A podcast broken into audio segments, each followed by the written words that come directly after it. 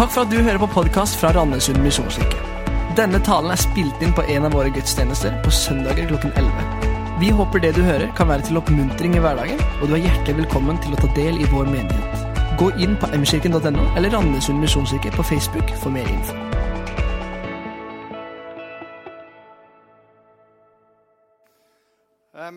Vi eh, begynner i dag en serie ut fra Dommernes bok. Eh, Den er nokså tidlig i Bibelen. Det er kanskje den aller mørkeste boken i hele Bibelen. Og så er det noe med denne boka, fordi det begynner egentlig veldig bra. Dette følger Josvas bok, og Josva var den tiden israelittene inntok det lovede land.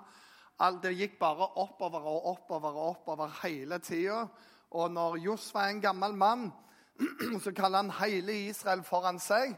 Og så sier han i dag så må dere velge hvem dere har tenkt å følge med livet deres. Men jeg og mitt hus, vi vil høre Herren til. Og Han sa det når han var rimelig godt oppe i åra. Var bare tydelig på at hele livet mitt, helt til jeg blir henta hjem, så kommer jeg til å leve for Herren og virke for Ham. Og folket var bare sånn Wow! Det skal vi òg gjøre. Så blar vi om, og så begynner Dommernes bok. Og så er det ikke så wow, for det står at det så lenge Josva og de som levde lenger enn han som var med, han levde, så fulgte folket Herren. Men den neste generasjonen de kjente ikke til Josva. Og det er en ting. Hvis du ikke lærer av historie, så kommer du til å gjøre alle dumheter sjøl. Det er lov å lese historie og bli vis og lære av. Det var jo smart, kanskje vi skal gjøre det mer. Det var jo ikke lurt, kanskje vi skal la være. Istedenfor å si at det er før, vi bare gjør dette på vår måte. Det pleier å bli ganske fullt av smerte når du lever på den måten. Så det er det første clouet her. Lær av historien. Spør de som har levd litt lenger enn deg sjøl. Og gjerne spør folk som kjenner Herren, for det gikk veldig bra så lenge de som kjente Herren, levde. Denne boka det er en tragedie. Personlig så liker jeg filmer med en happy ending. Det er ikke en happy ending. Denne boka starter bra, så fortsetter den OK, og så blir den mindre bra. Og så blir den dårlig, og så blir den enda verre. Og helt til slutt så er det bare totalt krise. Det er utviklinga i eh, boka. Og det ender med en borgerkrig, den første i Israels historie. Og I denne boka så er det en sånn sirkel som, som vi følger. Og Det begynner jo med at Wow, Gud er her. Alt er bra. Han har ledet meg til grønne enger. Jeg får hvile. Og det er så deilig og det er så veldig flott her at vi bare glemmer Gud. Og så Oi, der var det noe helt annet. La oss se der. Og det er ikke så bra. Og så blir det veldig dårlig. Og så etter hvert så så bare blir det så ille at noen kommer på ah, vi er nødt til å be til Gud. Det er alltid lurt å be til Gud. Og så er det å kjære Gud, vi roter det til igjen, og alt er ille med oss. Kan du redde oss? Neste er sånn, ja, jeg kommer til å redde dere. Og han sender inn det som kalles en dommer. Og så kommer denne, og det blir veldig bra. Og så er det alltid, så lenge den dommeren lever, så går det bra. Det er i 40 år, i 50 år, i 80 år. Men så kommer jo en ny generasjon som ikke leser historie, for det er de ikke særlig glad i. Så da er vi bare om igjen på dette. her. Vi kjenner ikke Herren. Vi gjør alle ting bad. Oi, dette blir skikkelig ille. Herre, kan du frelse oss? Ja da, jeg har en ny dommer. jeg. Jippi! Og så bare går det om igjen og om igjen og om igjen i dette løpet. Men for hver eneste runde så blir det verre enn det var før. Det er ikke likt. Selv om runden er den samme, så blir det bare verre og verre og verre. Og Vi leser med disse dommerne. Vi skal få lov å følge de og lære av de gjennom de neste ukene. Jeg har bare lyst til å si Det Det fins én skikkelig bra dommer. Det var dama som var dommer. Resten er mannfolk, og det er ikke fullt så bra. det er jo bare sånn. Som neste uke, dame, det er deres gang. Ok, Denne her er sirkelen. Hvordan er det med den? Jo, faktisk er det uh, med oss òg. Det er noen som har skrevet vår menneskelige tendens til å knote ting til for oss sjøl. Den er der. Tolvtrinnsprogrammet kan du ha hørt om. Anonyme alkoholikere, anonyme narkomane. Celebrate recovery. Det fins mange navn på dette. Men det er tolv steg på, uh, på vei til et gjenoppretta liv. Og det som de sier det er at de aller, aller fleste de tar trinn 1, 2 og 3. Og så hopper vi tilbake til trinn 1, 2 og 3. Og så blir det tretrinnsvalsen tre istedenfor tolvtrinnsløpet. Fordi det er Oi, jeg må erkjenne at det er ille ute med meg. Og det fins et håp, og det håpet er Jesus. Jippi. Og så gjør vi ingenting mer etterpå der, og hvilket leder oss tilbake til trøbbel. Og så sier jeg, Du må jo følge veien videre i 4, 5, 6, 7, 8, 9, som handler om nå må du gjøre opp for det du har gjort er galt. Du må be om tilgivelse til de du får brutt deg mot. Du må forsone deg med ting. Og etter hvert må du fortelle historien din, fordi det er legedom i det. Og vi må la Gud fortsette å jobbe. Men det er jo litt jobbig. Og da er det sånn, Vi vil heller bare ha en Gud som frelser oss. Og så meg fattes intet, jeg fatter ingenting. Men da er du på denne 1, 2, 3 hele tida, som denne boka er et erkeeksempel på. Jeg har noen eh, menn som jeg er utrolig glad i. Og De er med i en kristen bikerklubb. De er litt annerledes kledd enn meg og har levd litt annerledes liv enn meg. Jeg har fått lov å vie noen av dem, fått lov å ha alfakurs med noen av dem. Og de har utrolig strenge regler. De sier null alkohol i klubben.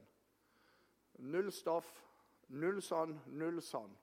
Og så har de en utrolig kjærlighet. For hvis det er en som ryker utpå, så kjører de andre og henter vedkommende og sier det er ikke det livet du skal være. Kom inn i klubben igjen. Og så hjelper de hverandre. Og han ene lederen han sa til meg Vi er bare så svake. Vi er så utrolig svake, vi som er her.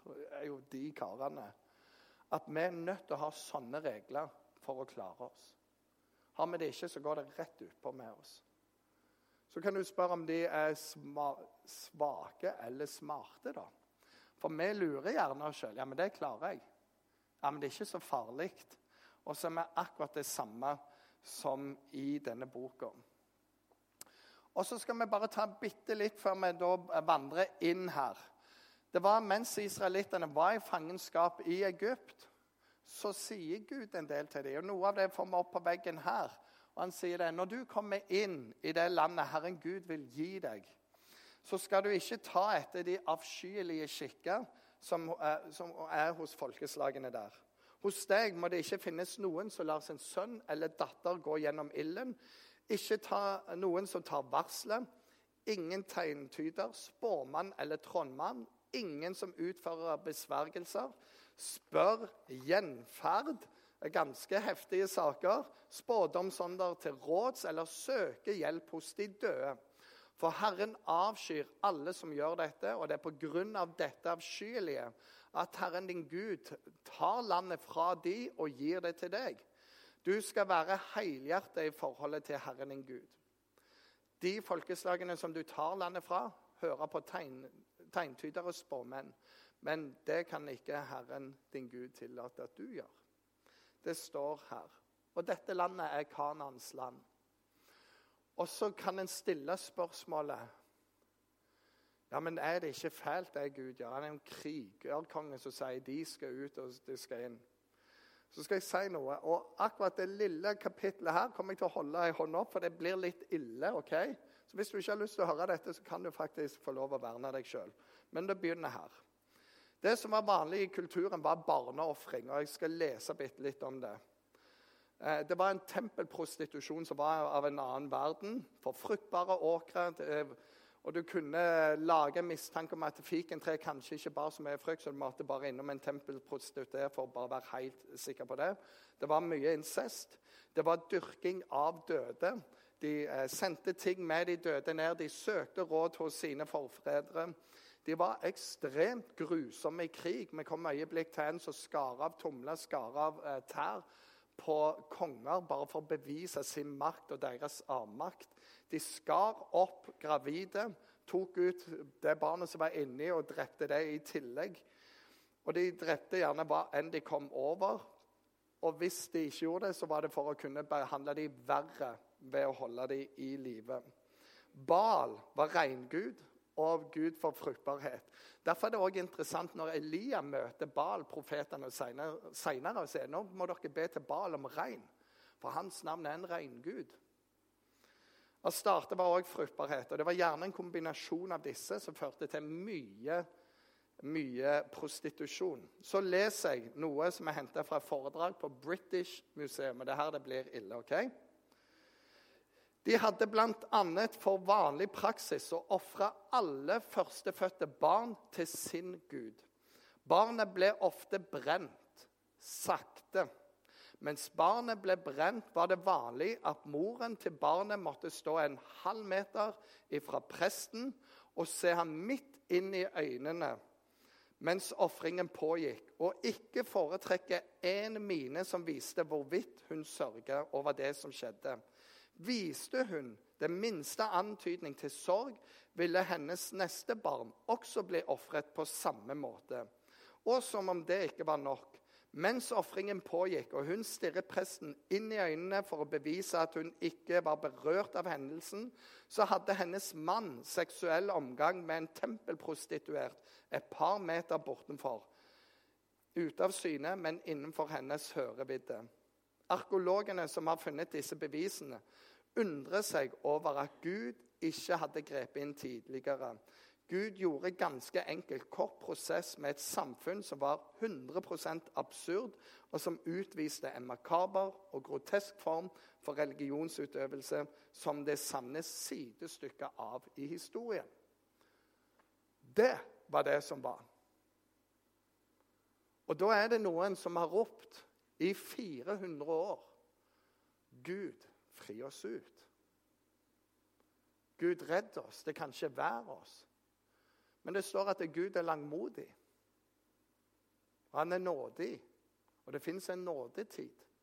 En tid for omvendelse. Og det er veldig interessant, for mens noen da leser og ikke kan noe historie, så vil vi si 400 år det er ganske lenge. Og det var sjanse å omvende seg på ny og på ny. De kunne se hva som hendte i Egypt, de kunne se hva som hendte underveis. De damene, når de kommer til Jeriko, heter Rahab, så sier 'vis oss veien inn, så skal vi spare deg, vi skal spare alle som er i ditt hus'. Og Hun trodde det, og de sparte henne. For det fins en nådemulighet. Og vi finner andre som vi sparer òg. Og som ikke det er nok, hvis du går videre fram i historien, så finner du Jonah-boken. Jonah det var han som ble slukt av en fisk. fordi når Herren sa du skal der, så sa han ok, men da reiser jeg der. Og så sa han nei, det gjør du ikke. Her kommer fisken, og du kommer bort der, og vi spyr deg i land. Sånn dekka av tran for resten av livet. Nå går du og sier det du skal si. Og Problemet med folk i Ninive var at de var sånn som det der. De var grusomme. Og Jonah visste dette. De var kjent for å være grusomme. Alle hata dem. Og Jonah, han ville at de skulle gå til grunne. Problemet var at Gud sa nå må du si ifra til dem at de kommer til å gå til grunne. Byen er på størrelse med Stavanger. og Det står at han gikk en og en halv dags reise inn. Det var ca. midt inne i byen. Så bare står han der, proklamerer, så sier Herren dere er det verste folkeslaget på jord. Dere kommer til å dø alle som menn fordi dere har vært helt elendige. Og så bare går han ut igjen. Det han ikke hadde regnet med, det var at alle hørte på det, og de var på sånn Wow! Det var bare et slør som ble dratt til sides. De hørte Guds stemme, så de omvendte seg. Og så endrer Gud sin plan og sparer de. Og Jonah han blir hissig på Gud. Så var det ikke det jeg visste. Du er så nådig og barmhjertig mot de som ydmyker seg for deg. Han visste godt hvem Gud var. Og det er Bibelens Gud. Samme hvor elendig, så fins det en nådestund. Hvis du vender deg om. Og alt dette er bare bilder på det som kommer med Jesus. Med troen på Han så står det vi skal ikke dø, men vi skal få leve. Og Det ultimate eksempelet i møtet med Jesus er en røver som henger på korset, som ikke hadde noe godt å vise til. Og Han visste jeg har ikke håp hos han, så han bare sier 'tenk på meg, Jesus'. Så jeg skal ikke tenke på deg, du skal være med meg. Du trenger ikke mye omvendelse, for Gud er med deg. Paulus, som drepte kristne, blir slått til bakken. Og så blir han brukt av Gud på en så utrolig måte. Gud har en nådetid for alle mennesker. Fordi han vil at alle skal bli frelst, og ingen får tapt. Men når denne nådetiden er brukt opp, da har det en konsekvens. Og Da blir det på din måte og ikke på min måte. Så det er noe av dette her. Og så har vi sagt i en annen serie òg Det vi òg må huske her, det er at det var en etisk rensning og ikke en etnisk rensning. Det var synden som var galt. Det var det han ville ha slutt på. Prostitusjonen, barneofringen og alle de andre tingene som var der. Det var en etisk rensning, ikke en etnisk. Det gjelder ikke alle kanonere i alle tider. Det gjaldt de som levde da på den måten der. Fordi det fins nåde for de som vender om og lever annerledes. Det er tidsbestemt, helt kort. Og vi som lever i Vesten, vi er så ekstremt nei, individualistiske. Men det er vanlig å tenke folkeslag, det er vanlig å tenke gruppe. Det er en kollektiv tankegang som gjelder. Men selv i den så fins det unntak. Derfor var dette vanlig og ikke uvanlig. Det må vi ha med. Så I kapittel 1 så møter vi da israelittene som inntar landet. Og det går egentlig bra i begynnelsen. Vi møter en konge som heter Adoni Besek. Og det var han som skriver de tar han til fange, og så hogger de av tomlene og stortærne. Det betyr at du ikke kan løpe, det betyr at du ikke kan gjøre noe særlig. Du, du blir rimelig handikappa av det. Og han sier 'Jeg får bare igjen for de 70 kongene jeg har'. Antageligvis hadde han ikke 70. Det er bare en talemåte for alle de kongene. Det kan være 15, det kan være 20. Men han hadde en gjeng konger som bare lå rundt bordet og samlet smuler alltid sammen. For han herska over dem. Men nå fikk han smake sin egen medisin. Hadde han ikke gjort det, så hadde han ikke fått gjort det heller. Av og til så høster du veldig hva du sår. Vi går til kapittel to, og vi skal lese litt eh, tekst igjen. Der står det Herrens engel kom fra Gilgal, opp til Bokim og sa:" Jeg førte dere opp fra Egypt og inn i det landet som jeg med ed hadde lovt fedrene deres. Jeg sa:" Jeg skal aldri bryte min pakt med dere, og dere skal ikke slutte pakt med innbyggerne i dette landet. Alterne deres skal dere rive ned. Men dere adlød meg ikke. Hva er det dere har gjort? Derfor sier jeg nå, jeg vil ikke drive dem bort for dere. De skal bli en snare for dere, og gudene deres skal bli en felle for dere. Da Herrens engel hadde sagt dette til israelittene, gråt folket høyt. Derfor kalte de stedet Bokim, og de ofret til Herren der. Alterne var jo fine. Var lagd spennende. Det var utrolig mye spennende. Det Var blodig. Og de, når de har funnet utgravninger etterpå, det er så mye barneknokler som ligger lagret rundt omkring der, at det er helt grusomt. Men det var noe forlokkende med det. Og så er det jo noe forlokkende når du har lov å være gift, men likevel ha så mye sex du vil, og under påskudd av at et oliventre ser ut som det trenger litt mer fruktbarhet og alt er lovlig, så er jo det litt sånn spennende.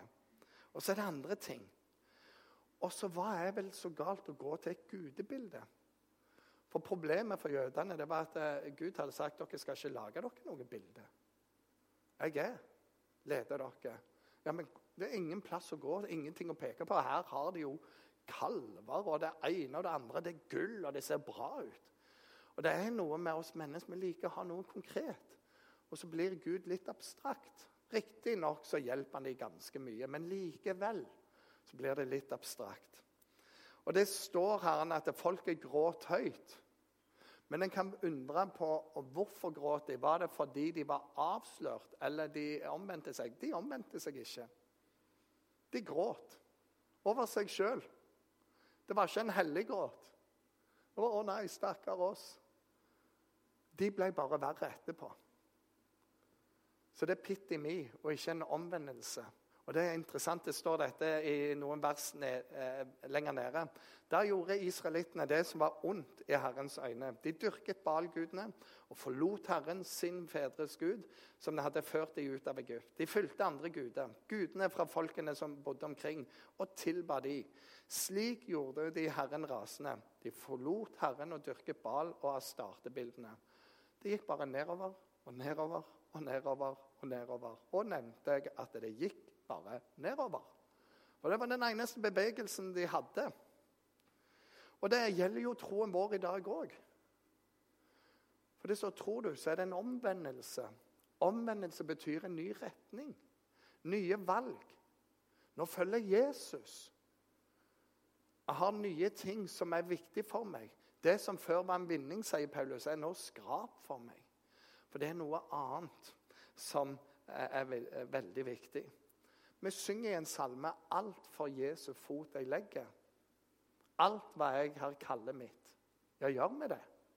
Eller bare synger vi det? Og Poenget med folket var at de skulle være et hellig folk. Et annerledes folk. Men så bare strøyk de over hellig, så var de et folk. Og that's it. Og de stilte seg således utenfor Guds beskyttelse. Og sier, Vi vil heller gjøre det på vår måte. Og sier, Greit, da blir det på deres måte. Og det gikk veldig dårlig. Og det er sånn, Du kan ikke bare ta Jesus som frelser. Han er frelser og herre. De to hører sammen. Du kan ikke lage Jesus på din måte. Du må ta ham på hans måte. Og det er et kall til omvendelse. Og så har vi denne tilbøyeligheten til Ja, men det er ikke så viktig. Ja, men det har jeg kontroll på. Og så går denne spiralen ned. Vi leser videre i kapittel 2. Hver gang Herren lot en dommer stå fram hos dem, var Herre med dommeren og reddet dem ut fra hendene på fienden så lenge dommeren levde. For Herren fikk medlidenhet med dem når de sukket under dem som plaget og undertrykte dem. Men så snart dommeren var død, falt de fra igjen og brakte mer ødeleggelse enn fedrene hadde gjort. De fulgte andre guder og dyrket og tilba dem. De fortsatte å være trassige og gjøre det onde. Har jeg nevnt at spiralen bare gikk nedover? Ja, OK. Det går nedover. Og Her er et av clouene for oss. Det er et uttrykk på engelsk heter 'catch the little foxes'. Og det går på at revunger de er jo ufattelig søte. Og det er så bra. De må vi beskytte. Men de blir rovdyr til slutt. Og det er ikke så kjekt når de begynner å spise andre ting som er litt søte. Og da er ikke revene så søte lenger. Og det er når du og meg leker med ting som vi vet det er egentlig ikke bra. Men vi tror at vi klarer å holde det. Det er bare noen sånne søte små revunger. De blir voksne, og sånn er det med våre liv. Det så Ta ikke feil. Når synden blir moden, så føder han død. Vi, jeg kan kjenne meg igjen i dette her. Og Det er noe med å ha nulltoleranse i eget liv. Og for Hvis Gud sier det, ikke, ikke tull med det der, ja, men da gjør jeg ikke det. Eller gjør jeg det fordi jeg vet egentlig bedre enn Gud? Jesus han er rimelig radikal i bergprekenen. Han sier om ditt høyre øye lokker deg til synd, så riv det ut. Om, eh, om høyre fot går om høyre hånd, så bare riv det av deg. Så sier han det er bedre for deg å miste et lem og komme inn i himmelen enn at du bevarer alt og går inn i helvete. Og Han mener det ikke fysisk at vi skal sage ting av oss, for det, det tar det ikke bort. Men han sier det fjern deg fra situasjoner. Fjern ting fra livet ditt som har en tendens til å drive deg av gårde. Og dette er individuelt. For det er en situasjon du kan være i, som jeg ikke kan være i. Og det er motsatt òg. Fordi eh, noen situasjoner er på en måte litt nøytrale, men det trigger noe hos meg. Hvis jeg bare river det ut. Jeg kan ikke være der. Jeg kan ikke drive på med de tingene der. Jeg har et par sånne ting i mitt liv. Så bare, Det oppsøker jeg ikke, for det vet jeg, det bare tar meg feil av gårde. For det er ikke det livet jeg vil leve. Og Jesus han sier det er rimelig alvorlig. Det tas opp i brevene igjen. Det sier dere har ikke gjort en kamp mot synden som om det gjaldt livet. Men det gjør det. Det gjelder livet ditt. Det gjelder livskvaliteten din. Fordi der det er synd, der er det sår. Der er det nederlag. Der splittes relasjoner. Og Jesus sa at 'jeg kom for å helbrede', men da må du òg ta det vekk fra livet ditt. Og dette klarte de aldri i dommernes bok. Og vi får følge det. Og det er jo interessant når vi sier ja, men hvis bare folk får lov å gjøre hva de finner for godt, da, ja, så er dommernes bok eksempel på at da går det veldig dårlig. Det er jo en sånn tanke mange har. Ja, bare kutt Gud og kutt religion, for da finner vi det beste. Finner ikke spor av det i historien. Men det er en søt tanke, sånn med sånn små revetanke. Vi finner ganske mange spor på når mennesker er overlatt til seg sjøl, går det ille. Så litt annerledes. Så kan vi jo da stille et spørsmål. Hvordan kan vi da sette opp noen sånne ting i livet vårt som gjør at vi ikke blir sånn som dette? At vi tar disse rundene, men vi faktisk tar en sånn motsatt runde. At det, det blir i grunnen bedre og bedre og bedre. Det står vi går fra lys til lys fram mot høylys dag. Er det mulig, da? Det er jo helt motsatt. Og så er svaret ja, det er mulig. Men husk, når du går fra lys til lys, så er det ofte et mørke imellom. Men det går fram mot en høylys dag. Det er ikke uten kamp, det er ikke uten offer. Og noen av de byggesteinene som Gud har for oss, det heter 'gå på møte og gjør det til en prioritet'. For du har en halvtime i uka du får inn Guds ord. Og du trenger den halvtimen kontra alt det andre du får inn. Det er noe som heter smågrupper. Nærfellesskap, der du kan be med andre, der du kan lese sammen, der livet kan være åpent for hverandre. Der andre får anledning til å bry seg om deg, og du får lov å bry deg om de. Fellesskap heter det. Gud har gitt oss en familie, og det er menigheten. Tjeneste, som vi så video av her, det er en annen som bygger stein. Vi er skapt for å gjøre noe. Og det er mange som bare sier jeg skal ikke gjøre noe. Du aner ikke hva, hva du snakker om egentlig. Den dagen du står uten jobb, så vet du hva det vil si å stå opp, og ingen trenger deg. I Guds rike så er du trengt alltid. Men hvis du alltid er på nei-sida, så våkner du en dag til ditt nei.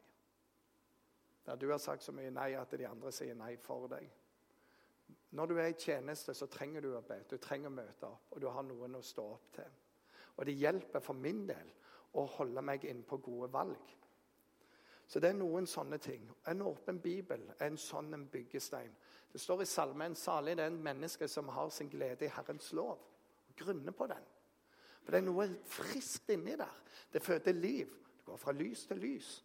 Og bønnelivet er sånn. Det er ikke for ingenting at disse oppfordringene er der, for det er det til beste for oss. Det er det beste. Vi skal nærme oss noe her. Vi skal møte to menn veldig kort. Den første er Otniel. Det er et fantastisk navn. Hadde jeg hatt en ny sønn, skulle han hete Otniel. Jeg er nokså alene om å ha det.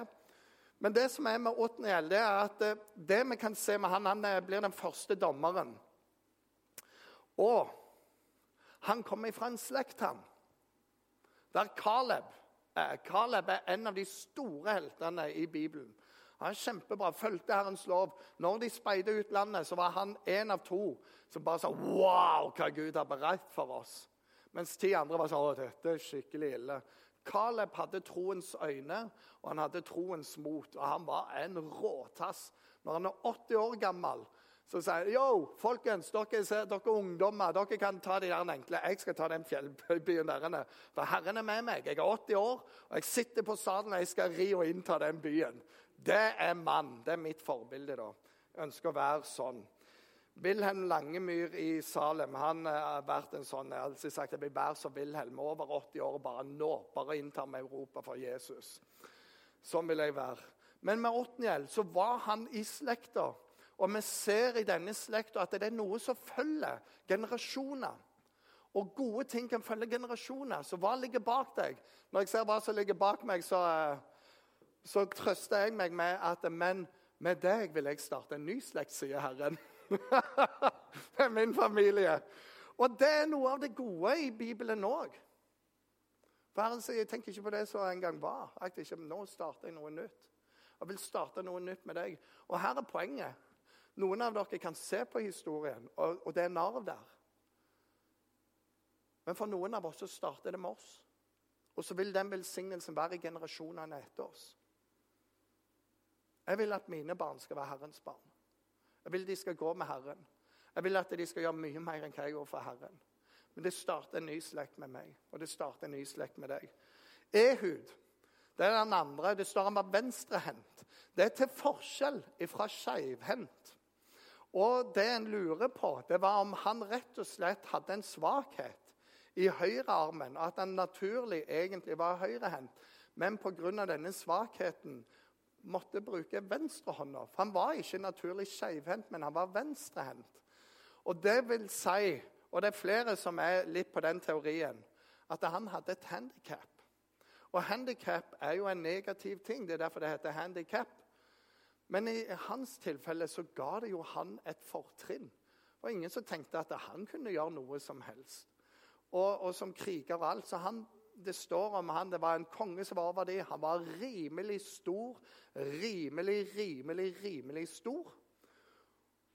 Og så kommer de, de under han, og så er de en gang oppe hos han, så kommer Ehud tilbake. Han snur når alle har vært der, og så sier han, 'Konge, jeg har noe jeg må fortelle deg.' Og kongen kom, kom, kom her. Akkurat det han ville. Og så lukker de dørene og alt, og er inne alene. Og så liksom hva, hva, hva er det? Er det liksom? Så sier han nei, Herren Gud har fått nok av det der du holder på med. Så drar han fram et sverd og bare og dreper kongen der.